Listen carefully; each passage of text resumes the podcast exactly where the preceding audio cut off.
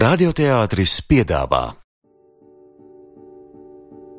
Māra Svīre - audums kāzu kleitai.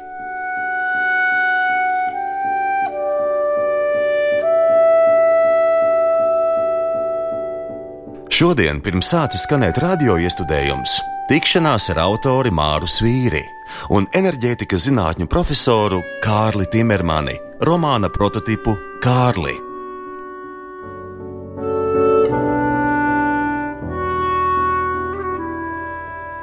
Pie mikrofona redaktore Alda Briede, un šodien man ir prieks studijā sveikt rakstnieci Māru Svīri un Kārli Timermani. Māra Svīra ir uzrakstījusi romānu Audums kāzu kleitai jau pirms vairākiem gadiem, izdots 2011. gadā, bet šobrīd ir tapis radiolasījums piecās daļās, un pēc kāda brīža vērsim priekškaru šim apjomīgajam darbam.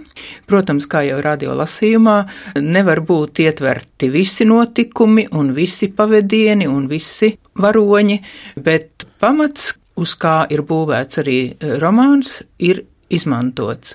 Un pamatslūk ir pavisam dokumentāls. Vispirms jāsaka, ka tas ir daļēji arī Latvijas radio vēsturē veltīts romāns, jo liela daļa darbības notiek tieši radiomājā, un tas ir arī mūsu Latvijas vēstures romāns. Smagi vēstures pieskārieni, smagi notikumi, kas ir skāruši arī Kārli Timermani, un Pamatā tā tad ir sarakste, kuru ir veikuši tālajos 50. gados mūsu kādreizējā bijusī kolēģe. Romānā viņu sauc Vizma Andersone. Es nezinu, vai jūs tagad klātesošie atklāsit, kāds ir viņas īstais vārds, bet Kārlis Timermanis nav slēpies arī grāmatas anotācijā, un uz vāka ir viņa piebilde šim darbam. Un pirmais jautājums ir rakstniecei Mārai Svīrei, kā šis dokumentālais materiāls, kas atnāca, palīdzēja vai traucēja veidot romānu notikumus, jo Māra Svīra bija arī astra priede ar iksesdienas komentāriem par ētikas un ģimenes lietām. Mēs ar vismu kā es esmu nosaukusi viņu romānā. Bet, nu labi, mēs te vienojāmies ar Kārli, ka šodien mēs sauksim viņu īstajā vārdā par dzidru. Jā, mēs ar dzidru sēdējām radio mājā, tā aci pret aci. Mums bija kopā salikti rakstām galdi, tā kā mēs tagad ar, ar tevi, Alda. Mēs bijām ne tikai kolēģis, mēs bijām draudzenes. Mēs eh, palikām draudzenes arī pēc tam, kad es aizgāju no radio. Un eh, ilgus gadus mēs eh, satikāmies biežāk, retāk kā nu kuru reizi, un daudz runājām par mūsu ģimenēm, par bērniem, par to, kā viņi dzīvo, kāds viņiem liktenis, kādas mums problēmas arī. Bet Dzidra man nestāstīja nevienu vārdu par Kārli. Un es pēc tam. Arī vēlāk, ne vai tikai nekad, tad, kad jūs kopā? Nekad, nekad, nekad, nevienu vārdu. Un vēlāk es pēc tam, kad Dzidras vairs nebija, es tā nodomāju, ka acīm redzot šī mīlestība, pirmā mīlestība, traģiskā mīlestība, ka tā viņai bija tik dziļi sirdī un tik sāpīga, ka viņa to negribēja cilāt pat draudzenē. Nē.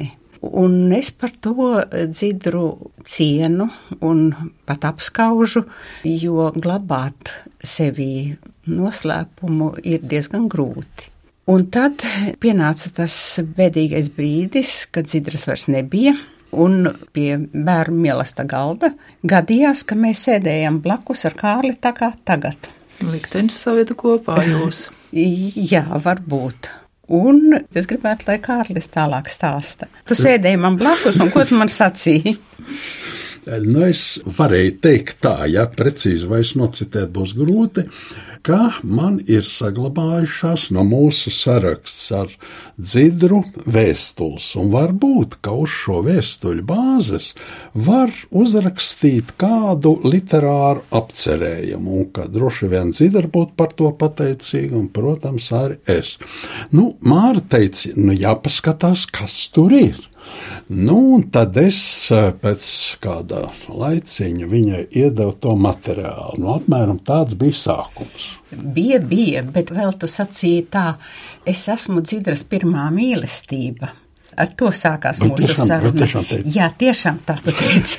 Nu, Kāda atzīšanās. Man, eh, man patiešām tas man bija liels pārsteigums, kā jau es sacīju, es nekā nezināju, un mm, es tā paskatījos, un es eh, sapratu, ka jā, jo es atcerējos, ka tu noliku uz viņas kapa lielu dzeltenu pušķi rožu, un eh, tā tas varētu būt, ka jūsu vēstules būtu izēja materiāls romānam, lai gan, lai gan es neko daudz neticēju. Man, tu neesi pirmais, kas piedāvā vēstules. Diemžēl ļoti bieži vēstules ir ārkārtīgi sadzīviskas. Nu, jāsaka tā, vēstulēs nav nekā vairāk kā tas, ko es pati varu izdomāt, un varbūt pat labāk. Bet šīs bija īpašas vēstules. Nu, šīs bija vēstules par likteni.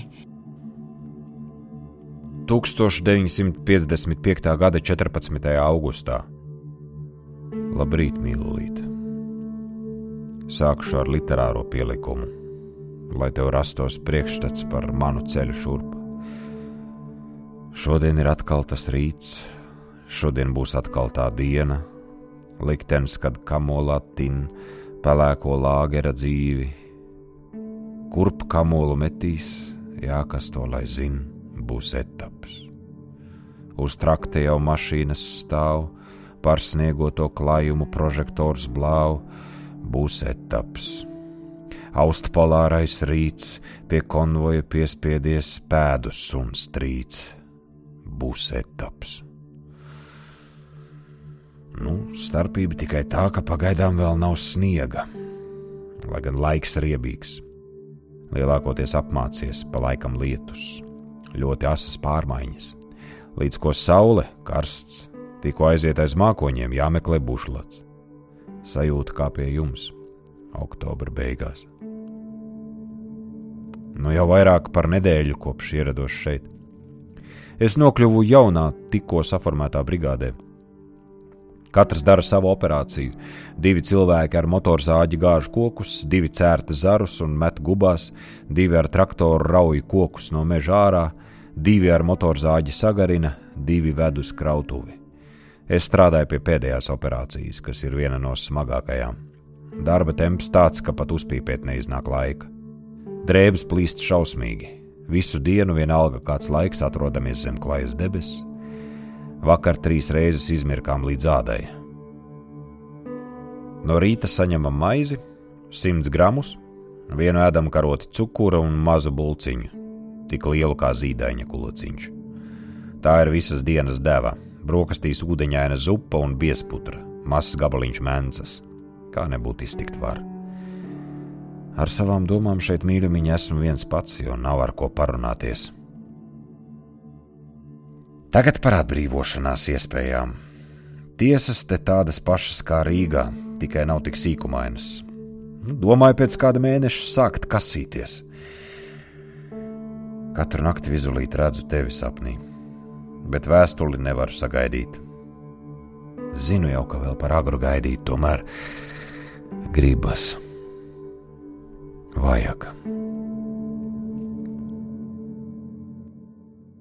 Tā jau bija, ka Kārļa vēstuļu bija daudz, bija 77, man liekas. Kaut kur bija zem simta, laikam. Jā, bišķiņā, jā.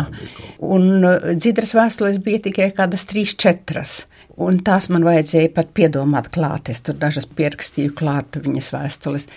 Bet Kārļa vēstules bija tik uh, dziļas un tik uh, izsmeļošas, un tur varēja atrast bieži vien starp rindām gan to, kā viņam tur klājās cietumā, kā viņam klājās tur Sibīrijā, viņa jūtas.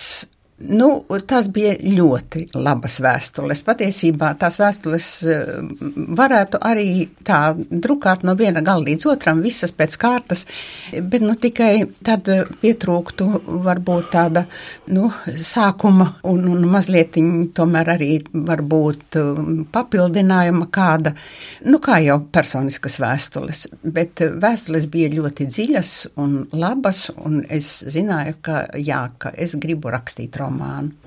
Caur šīm vēstulēm, protams, arī caur romānu pašu atsedzas arī Kārļa Timermaņa dzīves gājums, kurš tika stipri ietekmēts no toreizējās padomijas varas, kas nežēlīgi izrēķinājās. Romānā pamats ir izsūtīšanai un apcietinājumam tieši zēnu muļķības.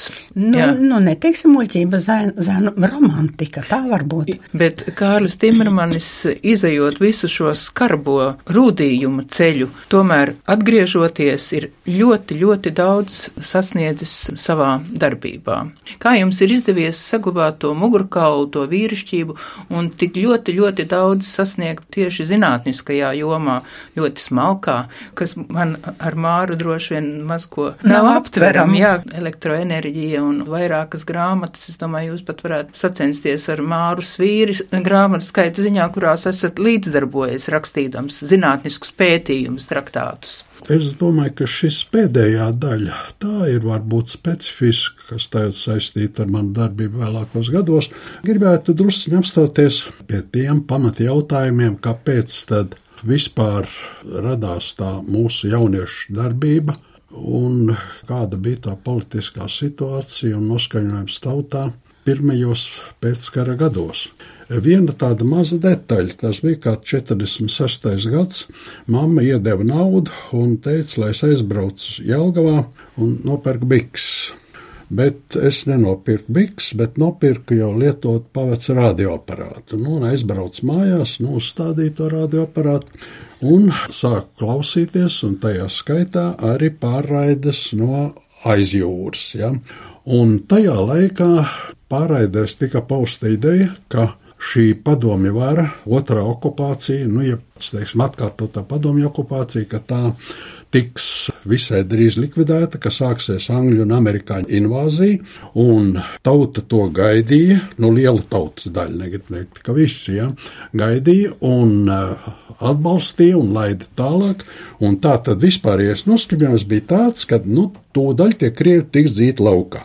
Un līdz ar to arī mēs, nu, puikas, cik tā mums bija, nu, 15, 16 gadu apmēram tādā vecumā, mēs sākām domāt tur es ar saviem draugiem, ka mums arī kaut kas jāveido, kaut kas jāvāc ir, ja sāksies nu, kara darbība vai kas, nu, lai mēs varētu kaut kādā veidā atbalstīt to lietu. Nu, un savas varēšanas un prašanas ietvaros, nu, ko mēs tur savācām, pāris automātus, kāds rokas granāts, patrons, jā, teiksim tā. Tā bija tā mūsu darbība, jo tas jau ar tā nebija viss nolikts, tas bija jāmeklē, un šo to mēs tur arī dabujām no rampām, kur glabājās arbijas ieroči dabujām. Tā bija tas pamats, jā. Bet Šī laika vislabākais atainojums, vismaz no tā, ko es esmu redzējis, ir filmā Vientuls, kur šīs cerības, nu, gaidas, kad lūk, tagad būs, gaidīja partizāņu mežā. Ja, tā tad, nu, protams, nesagaidīja. Nu, un eh, tad jau es tajā laikā biju dienas skolā, Jālgaus pirmajā vidusskolā, Un eh, vecāki bija ieskaitīti kulakos, bija smags materiālais apstākļus, apstākļi. Es pārgāju, eh, sāku strādāt un pārgāju uz vakaru skolu. Nu, un pateicoties varbūt arī tieši mācībām vakar skolā, 49. gada 25. martā, kad deportēju vecākus, es nekur nebiju pierakstīts Jelgavā, līdz ar to mani neatrada un es paliku. Kad beidzu vidusskolu. Kā jūs varējāt iestāties universitātei? Pienāca 50. gada pavasars, kā saka, saņēma atestātu. Nu, pienāca pie manis skolotājs Arvīts Salmiņš, viņš arī bija universitātes vēstures fakultātes docents. Un, nu, mēs uz vienu pusi dzīvojām, gājām mājās, viņš saka, nu, kur tēt, tu taisies stāties? Nu, es saku, nu, es jau tā nevaru iet uz to universitāti, ja. Viņš saka, bet, bet kas, kam tev tas jāsaka ir? Tu raksti, ka tu esi kārtīgs padomu cilvēks un, un, un, un nedzekšo dokumentus. Jā, nu toreiz jau tam Jā. rakstītājiem Un, un es tā spēks. arī izdarīju. Nu, man tās ieceras, ka es braucu iesniegt dokumentus, bija diezgan plašas. Pirmais aizgāju uz konservatoriju, gribēju uz aktieriem. Nākamais gāju uz eh, elektriķiem, jo es to tajā laikā strādāju pie elektriķu uz dzelzceļa. Bet uh, tur bija, nu, kā lai saka, uz 25 vietām jau bija pieteikušies 23 medaļnieki, kas gāja bez konkursa, un tad es tāds domīgs gribēju iet uz lauksaimniecības akadēmijas pārtiks tehnoloģiem, un pa ceļam iznāciet garām. Filoloģijas fakultātei. Domāju, uziešu, paskatīšos, kas tur ir. Nu, dekāni gaili man toreiz pierunāja, vai es negribot nākt uz žurnālistiem. Nu, gribu, gribu, gribu jau. Nu, tā es iestājos toreiz žurnālistos. Bija pēc tam izdarīta aptauja manā pagastā, vākta informācija, vai man nav kāds kompromitējošs materiāls. Bet tā laika ciema padoms priekšsēdētājs Brants, zinot visu, ka vecāki izsūtīti un vispārējo, bija uzrakstījis, ka nekā tāda nav, ka es esmu godīgi kolhoznieku bērns. Ja, nu tā. Un tā es paliku, un tā es paliku. Jā, un satikāt savu dzidru jā, romānā. Nu, nu, un, eh, kas attiecas uz dzidru, eh, tad eh, nu, mēs bijām pirmajā kursā toreiz. Mēs, es biju žurnālistos, tad bija literāti, bija arī Slubējs literātos, jā, nu, kas Telmās Lācis kādreiz strādāja šeit eh, muzikas redakcijā, pie jums radio komitejā, bet uh, dzidra bija bibliotekāros. Nu, tā mūsu pirmā iepazīšanās bija Kā mēs teikt, liktenīga. deju kolektīva mēģinājumā. Pirmajā mēģinājumā fakultātē gribēja veidot deju kolektīvu. Eh, Starp citu, šī kolektīva attēls ir atrodams Arnolda Auziņa grāmatā Gribu dzīvot priecīgi, jo mēs ar Arnoldu Auziņu bijām vienā grupā. Un eh, tad tur tā bildīte ir iekšā tieši, kur mēs, nu, tas ir pirmā, nu, tikko kā bija nodibināts tā deju grupa, un, teiksim, kur mēs ar dzīdrošam. -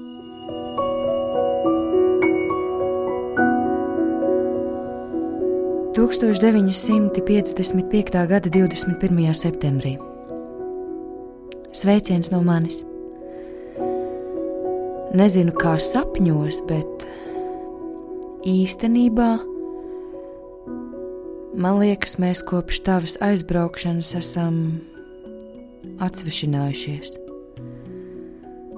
Nav tavās vēstulēs vairs tās sirsnības, kas bija agrāk un dabiski kā mežā sauc, tā atskan. Var jau būt, ka spriežu nepareizi, bet tāds ir mans secinājums. Sāksies mums abiem jauna dzīve. Kāda tā būs? To redzēsim, kad dzīvosim. Var sakot, man šovakar ir izcili slikts garstāvoklis, pat kašķīgs tā ka gribas vairāk teikt sliktu nekā labu. Raksti ātri, kā ir ar tavām lietām, vai nevajag aizsūtīt naudu. Ceru, ka manas vēstules tagad esi saņēmis, tādēļ gaidu tavu nākamo, bet, ja nevari uzrakstīt kaut ko labu, tad labāk neraksti nemaz. Sveicieni no mammītes un rasmiņas. Atā!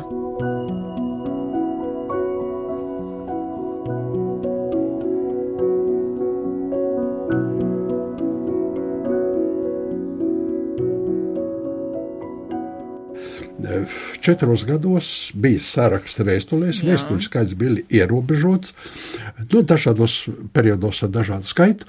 Un es no viņas saņēmu, nu, rupiņamot 200, atbildēju 100. Un uh, tagad, pēc tam, kad viņa apprecējās, mēs satikāmies un apmainījāmies ar vēstulēm. Viņa atdeva visas manas, un es atdevu viņai. Bet ar mazu viltību es biju no viņas vēstulēm izlasījis kādas ceturto daļu atstāja pie sevis vēl. Ja? Tā ir tā daļa, kas bija pie tevis. Ja? Jā, Nu. tur bija maz, tur kādas trīs vai četras bija tikai. Nu, jā, nu, tur, tur bija apmēram dažas bija atstātas. Nu, lūk, pārējās dzīves sadedzināja, un, bet es saglabāju. Nu, un tagad, tagad, tagad, kad bija Vai, nu, nu, mūžs aizgāja kā mūžs, jā, teiksim, katrs dzīvoja savu dzīvi, un katrs audzināja savus bērnus. Un tā. un tagad, tagad es gribu to, to būtību pateikt, Jā. ka Māra veidoja darbu no nu, tām fragmentārajām vēstulēm, kas bija. Un, protams, tas ir patstāvīgs nu, mākslas darbs ar vairākām sižeta līnijām. Un, protams, tur jau ir kaut kas ir papildināts, kaut kas ir nu, kaut kur pazudis. Nu, pazudis atkal no tā, kā jau tas nu, romānā teiksim, ir vajadzīgs un vajadzīgs. Tagad, lūk, no šī skatu punkta raugoties, nezinot, kas ir ierakstīts, es ar savu stāstījumu negribu ieiet eh, pretrunās, nu, teiksim, ar to, kas ir varbūt grāmatā, jo es, jo, jo, jo es jau, es jau, es jau, slikti. Es, es atceros, un, un jau ļoti vāji atceros, jo tas, kas notika, notika pirms 70 gadiem, un manā vecajā galvā tur jau ir um, nogludinājies un piesadzies un migliņu virs un tā tālāk. Ir, ja? Tas ir sākums. Paldies par šo atgādinājumu no jūsu biogrāfijas. To mēs varam vairāk vai mazāk arī iepazīt romānā un arī radio lasījumā. Bet šajā sakarībā es gribēju jums pajautāt, vēstules un šis romāns liecina, ka jums ir tieksme uz kultūru, uz literatūru, uz nu, visu, kas ir svešs no tehnikas. Bet jūs izvēlējāties tādu ļoti sarežģītu profesionālo ceļu, bet kur palika tā liriskā stīga, vai tā ir jūsos vai nav? Redzat, laikam gan toreiz, gan tagad liela jaunatnes daļa pārsvarās liecas uz humanitārajām eh, specialitātēm. Domājot, ka tās ir vienkāršākas, tas ir no vienas puses, un no otras puses, nu, viņas ir kaut kā vairāk um, sirdi, teiksim, kutinošas un kustinošas, ja šīs specialitātes. Nu, tā arī man bija tajā laikā. E, Kāpēc tad es nepaliku? Es jau būtu palicis pie žurnālistikas, bet, e, kad es atbraucu, nu, es biju. Tad jūs vairs neņēmat pretī. Es Ja? vispār jau interesanti, kad uh, mani arestēja, tas jau bija toreiz, es jau trešā kursā studēju. Nu, es biju teicamnieks. Un uh, tad, kad es lasīju pēc atgriešanās, par ko es esmu izslēgts, izslēgts esmu par nesekmību, jo neapmeklēju lekcijas. Ja? Nu, bet kā es varēju apmeklēt, ja es biju čeks pagarbā? Nu, es nu, nevarēju apmeklēt. Nu, un tad, kad es pēc atgriešanās uh, aizgāju uz universitātes kadru daļu, jau bija doma, nu, pamēģināt varbūt atjaunoties. Ja? Man teica, ziniet, nevajag jums nākt uz šejieni, nevajag nākt. Nu, es sapratu, ka nevajag nākt. Tātad es atgriezos 56. gadā, nu, un tajā laikā, pēc pāris gadiem, dibinājās Politehniskais institūts. Nu, es sapratu, ka ir jādara kaut kas cits. Ir. Nu, ja jau es tur neesmu vajadzīgs, nu, tad jādara kaut kas cits. Nu, un tā kā es pirms aresta strādāju par elektriķi, nu, tiesa zemes kategorijas, trešās kategorijas elektriķis, un pa laimi šī apliecība man bija aresta laikā līdzi, un tā man noderēja ziemeļos. Jo, kad tur meklēja, kas kaut ko saprot no elektrības, es pieteicos, un tā es tiku elektrostacijā. Nu, tur tāda maza elektrostacija pie viena no kuras baroja ar um, elektroenerģiju vietējā ciemata. Nu, tā, tādā veidā es aizgāju studēt elektroenerģētikas fakultātē, Politētiskā institūta. Vakar nodaļā, vakar nodaļā. Jā, un apbrīnojami ir tas, ka jūs tur esat joprojām. E, Nu, jā, iznāca, jā, iznāca, iznāca tā, ka es beidzu ar izcilību. Un pie mums toreiz bija atbraucis no Maskavas nu, tāds ievērojams profesors, kas dibināja savu zinātnisko skolu Rīgā, profesors fabrikants Venimins. Nu, un pēc uh, institūta beigšanas iestājos aspirantūrā pie viņa. Nu, tad tā viss tā tālāk tā gāja. Ja. Nu, tagad es tajā pašā fakultātē strādāju. Nu, no 60. gada, laikam 57. gads iznāk. Nu, tā. Tas ir tiešām apbrīnojami. Nu. Tas ir apbrīnojami. Tas ir tiešām apbrīnojami. Tādēļ, ka ļoti daudzi, kuriem ir bijis līdzīgs liktenis tur cietumā un Sibīrijā, jā. viņi žēlojās, ka viss ar to ir sabojāts, mūžs ir sabojāts, nekas nav sasniegts. Tas tomēr ir ļoti, ļoti atkarīgs no cilvēka. Ne tikai no šī cilvēka, kas šeit ir klāts, bet man ir par to, ka es esmu Rīgas Tehniskajā universitātē, bijušā Poltēnska institūtā, kā es paliku, ir jāpateic profesoram fabrikantam. Viņš bija tāds progresīvi domājošs cilvēks jau no Maskavas. Viņš arī nu, ne tikai bija pasaules līmeņa zinātnieks, bet arī dzējas rakstīja un proza rakstīja. Un mums bija toreiz rektors Nu, tas bija kaut kāds 60. gadu jā, sākuma daļā. Aleksandrs Malmeisters, nu, kā mēs teicām, īsts taļinieks. Ja, tā. un viņš gribēja iztīrīt toreizējā Politiskā institūta no visiem tādiem, kam kaut kur kaut kas. Nu, tad es arī biju starp tiem, bet ne tikai es. Mēs fakultātē bijām vairāk tādi, kas bija kaut kāda melntraipa biogrāfijā. Nu, tad eh, fabrikants bija gājis eh, ar savu lielo vārdu, savienības skaņas vārdu, perektoru, un teica, nu kā tad tagad ir Staļina, viss šī politika ir cietusi krahu kā tad viņš skatās uz šo laiku, vai viņš neatbalsta to. Nu, šajā vietā Malmēsters bija piekāpies, un mēs visi palikām strādāt tur, kur mēs bijām. Protams, visus šos padomju gadus es izjūtu ierobežojumus, bremzēšanu, Bet nu, tā nomināli savā vietā strādāt es varēju. Nu, tā, teiksim, tā bija tā. Bet tā kā man ir lielā mērā jāpasaka par saviem fabrikantam. Jā, kad... nu, bet jūsu paša raksturs un varēšana un izturība un zināšanas vēlākajos gados, kas ir uzkrātas un uzkrātas, tas jau arī ir nu, slānis, nu, kas jums ir palīdzējis jā, nu, jādara, eh, noturēties jā, nu, tā, un būt jā, ļoti jā, nu, tā. augstvērtīgam speciālistam savā nozarē. Māra, tagad, kad būs romāna lasījums piecās daļās, daļās, vai ir kaut kas piebilstams ceļavārdiem? Bet man ir arī jautājums Kārlim, ko šajos ilgajos pazīšanās gados, kuros mēs jau esam līdz tu nonākuši no, no jūs. Latvieši jau nevar vien eh, tikt vaļā no jūs, bet eh, mēs patiešām esam ļoti tuvi paziņas. Šajos ilgajos gados es to viņam nesmu pajautājusi, kā ir būt prototipam. Kā ir būt prototipam? Un pie tam es vēl pateiktu tā, ka Manos darbos, man tagad ir 28 grāmatas, varat uzskatīt to par lielīšanos, bet visā šajās 28 grāmatās tikai viens stāsts ir kurā es aprakstīju savu onkuli un tanti, un pie tam neko sliktu nerakstīju, bet tik un tā viņiem nepatika, un man vajadzēja ilgi un, un mīļi lūgties, lai viņi to neņem ļaunā. Un otrs darbs, kurā ir prototipi, tādi īsti un pamatīgi prototipi, tas ir audums kāzu kleitai. Un vispirms jau Kārlis, nu, dzidrai es iedevu savus radiokreņķus. jo tās dažādās peripētijas, kā viņai te radio mājā iet, un tā, tās ir no mana radio darba laika. Bet eh, Kārlis ir vai nu tas, ko es izlasīju viņa avīzēs, vai tas, ko viņš eh, vēl pastāstīja, vai tas, ko es piedomāju klāt ar lielu sirds drebēšanu.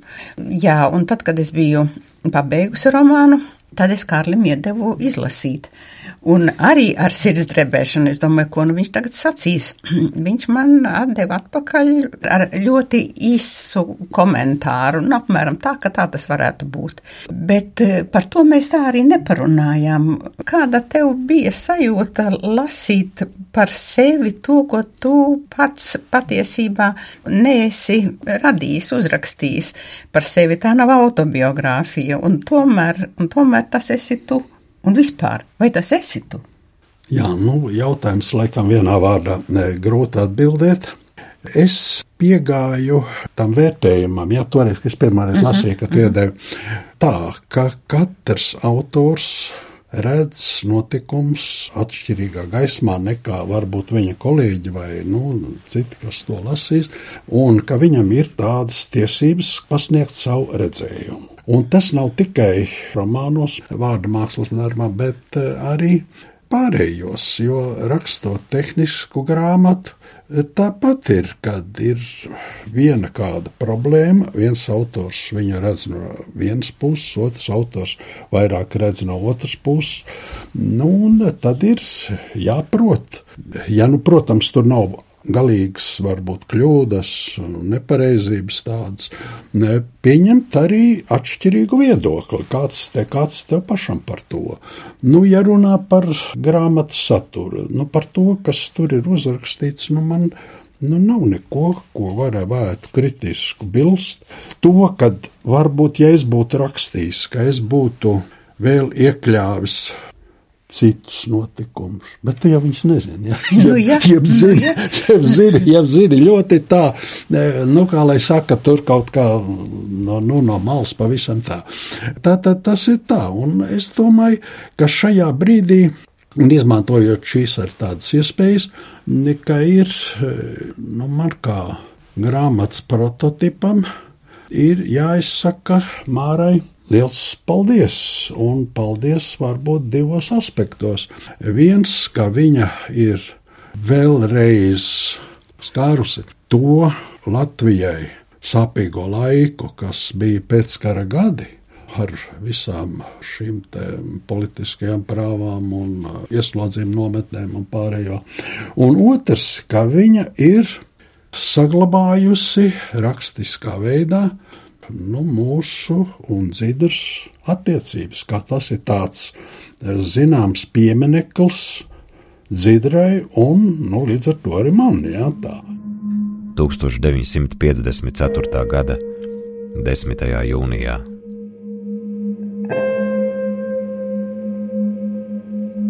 Mīksts sūnu pēlis mežā klusā bija kāzu gultas balstā mums viss siltā sega kopu dusā, zaļš egļu zarus augums.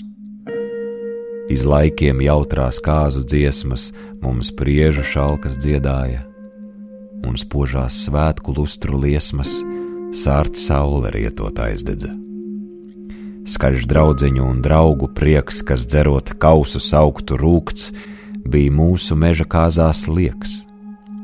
Neviens no ļaudīm nebija lūgts vien klusums. Sila garīdznieks bija mulsās laimes liecinieks. Paldies! Nu, jā, paldies. kā Latvijas. Es patiešām negribēju uzprasīties jā, jā, jā. uz pateicību, bet es uh, tikai gribēju zināt, vai tu tas esi? Vai tu tas esi, kad tu lasīji romānu, vai tu jūti, ka, ka nē, nu, es, ja, ja tev jā. tas bija kāds cits cilvēks? Grūti nē, atzīt. Ka... Nē, nē, nu, es jau redzu, ka tas esmu es, bet, nu, nu varbūt ne visais, bet, nu, nu liela, liela jā. manas daļa, nu, teiksim jā, tā, jā, liela jā, manas daļa. Sapratu. Jā, liela manas daļa. Jā, un es savukārt kā Latvijas radio patriote gribu akcentēt pateicību rakstniecei Mārai Svīrei, ka šis romāns audums kā Kāzu kleitai faktiski ir pirmais romāns latviešu literatūrā arī par Latvijas radio vēsturi. Sanākie kolēģi droši vien atpazīs gan romāna Vizmu, kas ir dzidra, gan visus citus bijušos kolēģus, kas tur ir aprakstīti un kas piedalās romāna darbībā. Lasījumā varbūt mazāk tas, bet romānā tas viss ir ļoti spilgti un ticami. Ir jau pamats Māras vīra Astra Priede šeit ir strādājusi, šeit ir darbojusies un personiski pazinusi daudzus toreizējos kolēģus un draudzību saglabājusi ar dzidru arī mūža garumā. Šodien es saku paldies gan autorē Mārai Svīrei, gan arī romāna Varoņa Kārļa prototipam Kārlim Timermanim, un lai lasījumam gaišs un saulains ceļš pie klausītājiem, lai klausītāji gūst baudu, lai iepazīst, lai jūt līdzi. Gaidīsim lasījumu. Mēs arī to novēlam, vai ne? Mēs arī. Māras vīras romāna Audums Kāzuklētai radio iestudējumu piecās daļās klausieties rīt Latvijas radio pirmajā programmā.